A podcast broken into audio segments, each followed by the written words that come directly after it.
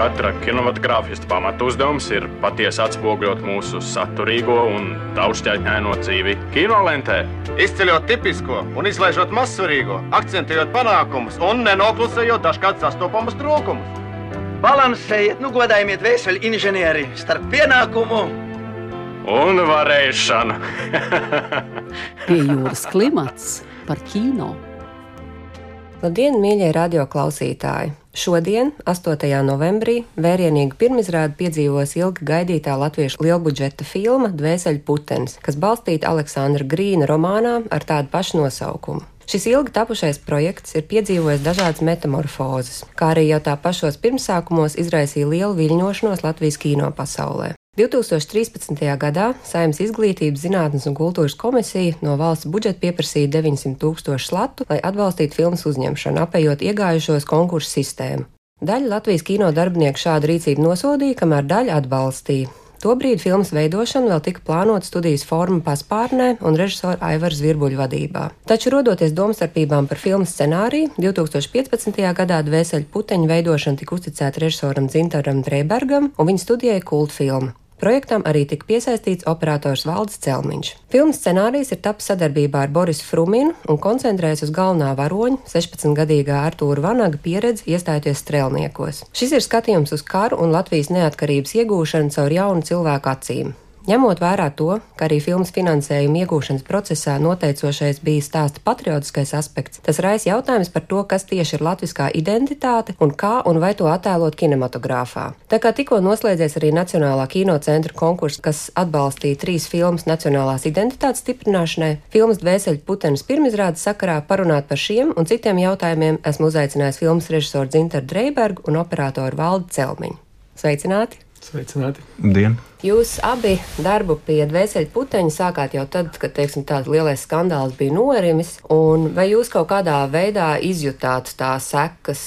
Darbu es teikšu, tas vispār neietekmē. Protams, nāk saistīties, piemēram, tagad arī sešus gadus pēc tam, tiekoties šajā intervijā, tu sāc ar tieši to runāt. Tas apmēram ir tas, kā tas ir, kā mm -hmm. tas ir bijis. Bet, nu, darbā, man liekas, katru soli bija tā lieliskā lieta, ka bija ļoti nobriedusi Latvijā situācija, ka ir nepieciešama filma, kas ir svarīga skatītājiem, kas pastāsta mūsu kaut kādu stāstu, no kā mēs vispār esam veidojušies, kas ir mūsu saknes, un līdz ar to katrā solī mēs arī dabūjām milzīgu atbalstu. Un es vairāk to varēju just tajā brīdī, kad bija skaidrs, ka mēs finansiāli noteikti nepacelsim to, lai mēs varētu dabūt tik daudz daudz brīvprātīgos vai masu skatu dalībnieks, lai nofilmētu tādu filmu un uz tādu salīdzinoši nevainīgu jautājumu, kurš ir gatavs to darīt par brīvu idejas vārdā, ka tu būsi šai filmā palīdzējis mums to izdarīt. Pieteicās daudzi tūkstoši cilvēki, un kas pilnībā apgāza kurus mītus par uh, latviešu vīriešiem, kas nav gatavi neko darīt, bet tā vietā savus atvaļinājumus daudz cilvēku pavadīja, lai pavadītu ļoti skarbos apstākļos ar vienu domu, ka šādai filmai jābūt. Klausoties to sākuma komentāru pie pirmā teikuma par to, ka šī ir lielbudžeta filma, mēs ar Dzintaru Interu saskatījāmies un sasmaidījāmies, jo mums ir pilnīgi skaidrs, ka šis ir lielākais mazbudžets Latvijas kino vēsturē. Jo skaidrs, ka pie tā scenārija un vispār kara filmas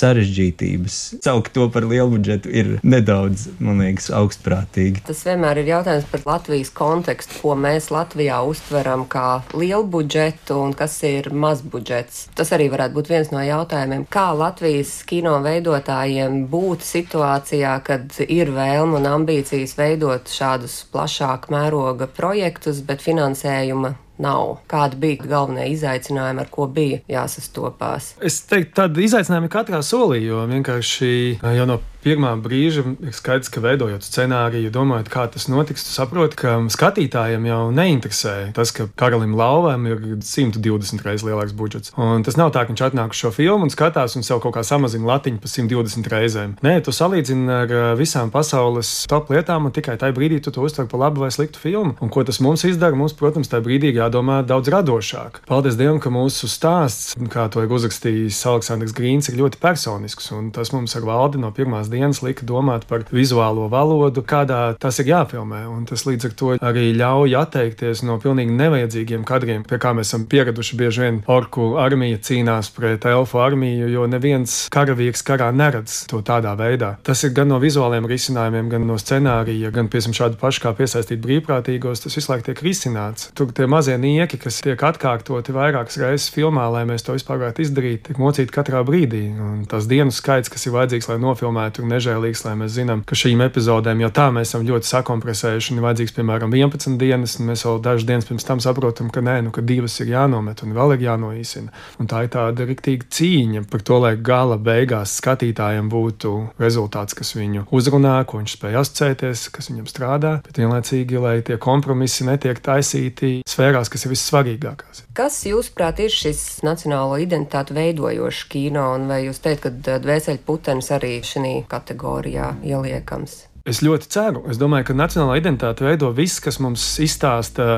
personisku stāstu par to, no kā mēs esam nākuši. Jo Latvijā ir brutāls trūkums par piemēriem. Mums ir pietrūkuši skolotāji, kas māca izstāstīt vēsturi, vai kur mēs esam, jo viņi vismaz mūsu laikā knapi paši spēja sākt piemēroties jaunajai sistēmai. Tāpat arī mācību grāmatas praktiski nebija. Mūsu vecāki ir stadijā, kurā viņiem ir bijis vēl grūtāk piemēroties jauniem apstākļiem, un vienā brīdī ir ļoti grūti sevi atrast šajā laika līnijā no tā, kā mēs esam veidojušies un uz kuriem kurien mēs ejam. Un tas ir tāds bezideāls laiks, kurā ir ļoti svarīgi, manuprāt, stāstīt stāstus, uz kā mēs turamies. Piemēram, mums ir sadarbība ar vilkiem, kas mums palīdz ar tādām strēlnieku dziesmām. To, ka ir tāds cilvēks, kas pēc podnieka, kurš vienīgais paspēja aiziet vēl aprunāties ar strēlniekiem, kamēr viņi bija dzīvi, vēl apstaigāja pēc tam ar diktafonu ierakstīt viņu dziesmas. Un tikai pateicoties viņam, ir ļoti saglabājušās ļoti daudz dziesmas. Viņa stāsts, Gunāra Astrāts, ir ļoti daudz stāstu, kas mums ļautu saprast, ka mēs esam šai brīdī, kur mēs esam, pateicoties daudziem, kas ir strādājuši un izdarījuši. Kamēr mēs to nezinām, tamēr mums ir ļoti grūti. Un tas, protams, veido to nacionālo identitāti, ka tu saproti, ka tu neesi radies tukšā vietā,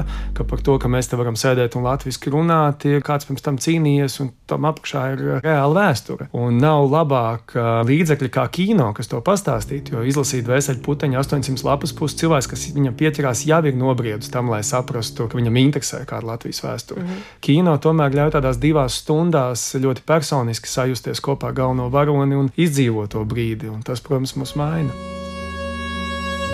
Pie jūras klimats par kino.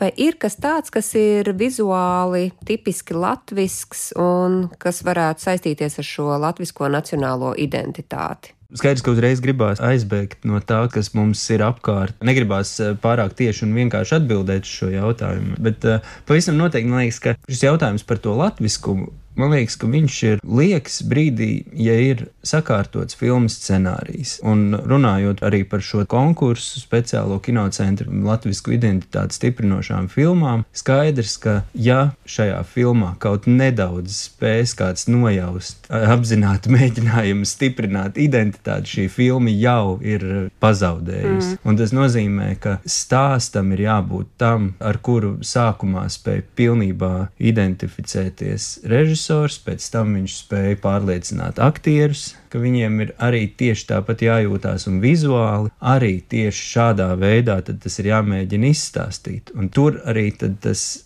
latviskums iespējams radīsies, bet viņš nevis radīsies no tā, ka, ja rādīsim purvīša pelēkās ainavas, bet tad, ja mēs rādīsim kaut kādu mūsu mentalitātei raksturīgu izvēli sarežģītā brīdī. Tas ir tas latviskums, kuru vajadzētu parādīt. Ja mēs domājam piemēram, par somiskumu, tad nav jau tā, ka skandināvu ainavas ir tās, kas to raksturo, bet drīzāk tas, kā tā ziemeļnieciskā mentalitāte transformējās viņu kino, un tas rada tieši tās varoņu izvēles Tas ir tas, kas definē viņam, to somisko identitāti. Un līdzīgi man liekas arī ar to latviešu, ka nevis rādot zelta rudeni Siguldā, mēs iegūsim pašu labāko latviešu identitāti stiprinošo filmu, bet tiešām atrodot stāstu, kurš pierāda mūsu vērtības. Cik liela šāda apjoma projektā ir bijusi tev režisoriskā brīvība? Tas man liekas, atkal ir tā priekšrocība Latvijai, ka aiz muguras nesēž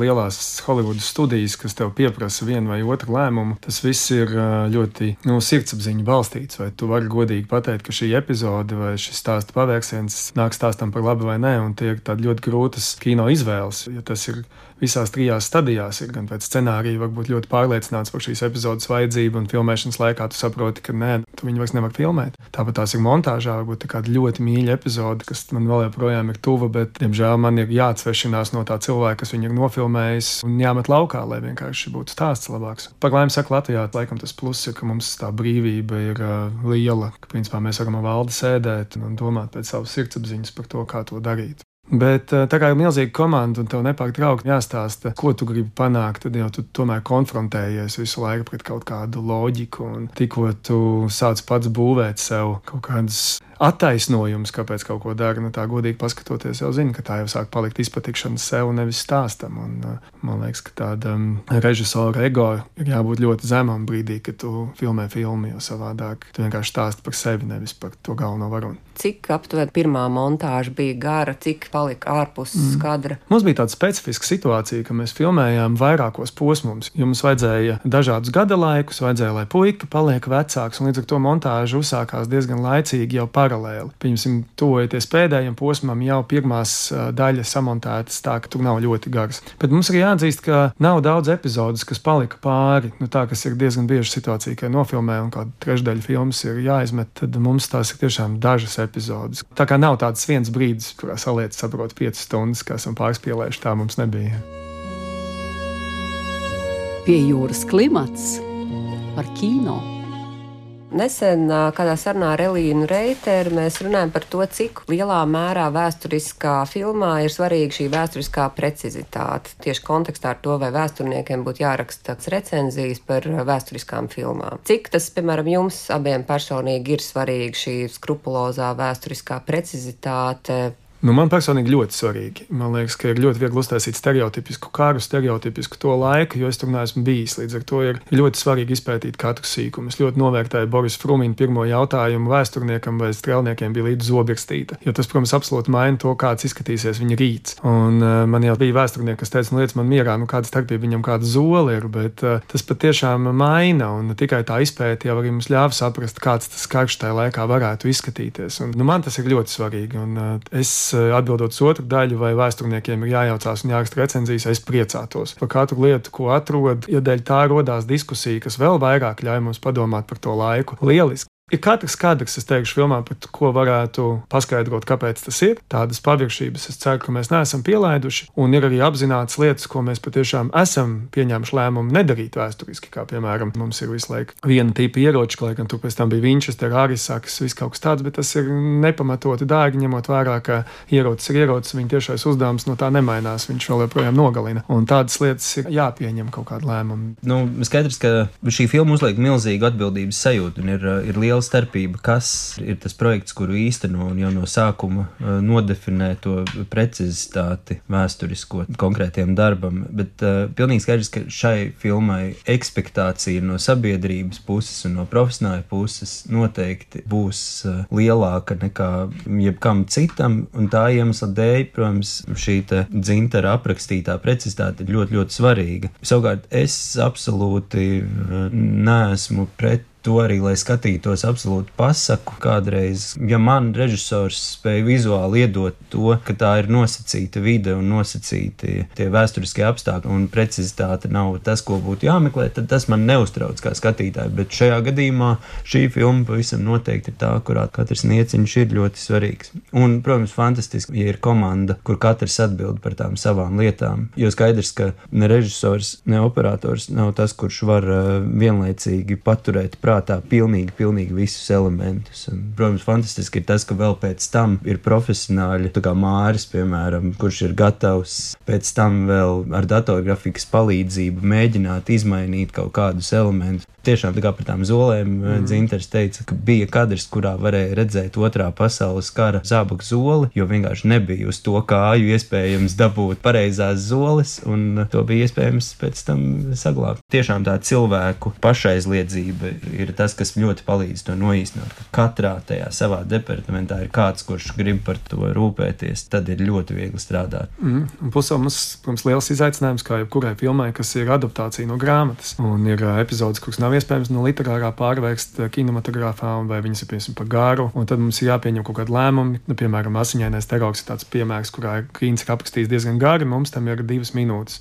Un tad, protams, ir patīkami atrast eh, epizodes no reālām atmiņām, kas ir bijušas nevis no tām, ko mēs varbūt izgudrojam, jo tas atkal iedod kaut kādu ticamības brīdi. Filmā ir tāda viena brīdi, kad gads gāga lasa vēstuli, kas ir adresēta kritušam zaldātam. Un, protams, tas mirklis, kad uh, man izdodas atrast īstu vēstuli, kas patiešām ir māmiņa sūtījusi dēlam uz fronti, bet viņš jau vairs viņu nevarēja saņemt, tad ielikt tādu vēstuli iekšā iedod kaut kādu jau citu dziļumu, kas uzreiz ļoti palīdz.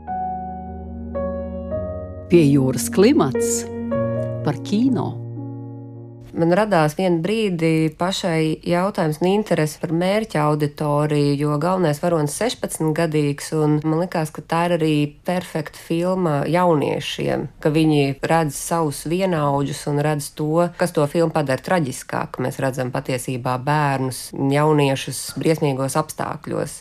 Kā jums šķiet, vai šī ir arī jauniešu filma? Es ļoti ceru, jo pagaidu saka, tas ir tiešām 16-gadīgs puika, un viņi neko neatšķirās daudz no mūsdienām. Tas, kas mainās, ir tikai apstākļi. Viņa mērķi ir tādi paši. Viņš ir iemīlējies, viņš grib pavadīt laiku savu dāmu, un viņam ir cerības par spožo nākotni, kas no viņam būs tajā brīdī. Un, diemžēl cilvēkiem pirms simts gadiem dzīvē gāja daudz smagāk, un karš atnāca pilnīgi negaidīt, un tad viņam bija jāsadzīvo šiem apstākļiem. Bet jā, man liekas, ka tā asociācija, ka tie cilvēki neko neatšķirās no mums, tas nav nekāda izdomāti. Tie ir mūsu vecmāmiņas un vecvectētiņi, kas tepat arī bija šajā visā apkārtnē. Un, un, un tā, man liekas, tāda ļoti svarīga nepieciešamība mums identificēties un saprast, ka tas nav nekas cits, ka tas nav nekāds izdomāts stāsts. Tā kā es ceru, ka arī tādā jauniešu pasaulē tam tā būtu jāstrādā. Jā.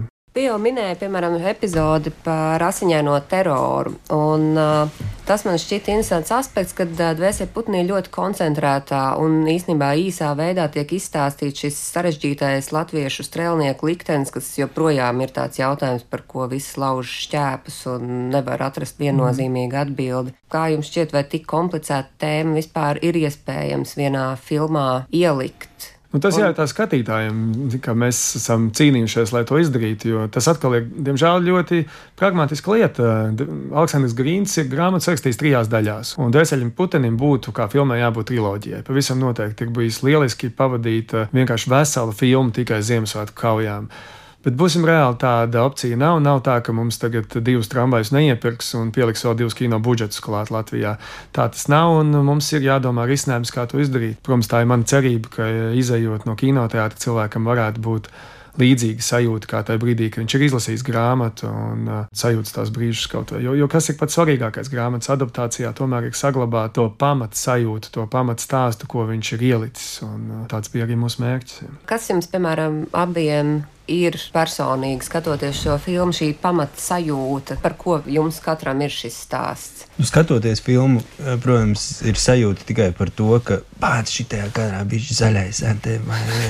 Pilnīgi skaidrs, ka es nezinu, cik gadiem ir jāpaiet, lai savu filmu varētu ieraudzīt kā tādu neatkarīgu mākslas darbu. Man liekas, tas nav nu, jāprasa vecākiem kolēģiem. Es vēl nevienu neesmu laikam redzējis no savējām tā, lai, lai spētu vēsi apskatīties. Bet, eh, ja domā par to veidošanas procesu, tad nu, skaidrs, priekš manis tas noteikti bija pieaugšanas stāsts. Vaiprātīgi pātrinātas pieaugšanas stāsts. Nu, jā, no tādas savukārt tās lielās domas, tad tas, ko Grīns bija iekodējis, ir to, ka kamēr vien mēs būsim zem kādām citām valstīm, citām varām, tad mēs esam kaut kāda daļa no lielākas manipulācijas. Un atgriezties savās mājās, rūpēties par savu dzimtu, par savu ģimeni, tu vari tikai tad, ja tu esi brīvs. Un tas ir tas, kas vēsturiski notika 18. gadā. Novembrī, protams, pieņēma šo Latvijas valsti, bet vajadzēja paiet veselam gadam, lai mēs kā tauta nobriestu un saprastu, ka neviens cits režīms mums šo brīvību nedos. Un Un, un tas ir tas mirklis, ka tikai pats, ja tu esi saimnieks savā zemē, tikai tad tu arī vari īstenībā būt laimīgs un rūpēties par savu tuvākajiem. Un tas ir tas, ko viņš tur iekudējis, un tas mums bija jāsaglabā noteikti filmā. Un uh, nobeigumā tāds varbūt neatbildams jautājums, bet kas, jūsuprāt, mūsdienās ir patriotisms? Nu, manā prātā tā ir tā ticība sev, ka tu esi liels, stiprs, varens, un tu to vari savus sapņus īstenot šeit. Un, ka tu tici, ka tu vari veidot uh, savu ģimeni, savas mājas, tādas, kurās tu pats gribi dzīvot, kur tavi bērni var dzīvot, un cerēt, ka dēļ tā arī apkārt cilvēki sajūtīsies, ka viņiem ir ērti būt ar tevi un veidot šo vidu kopīgi. Jā. Valdis piekrīt. Labi, paldies jums liels par sarunu.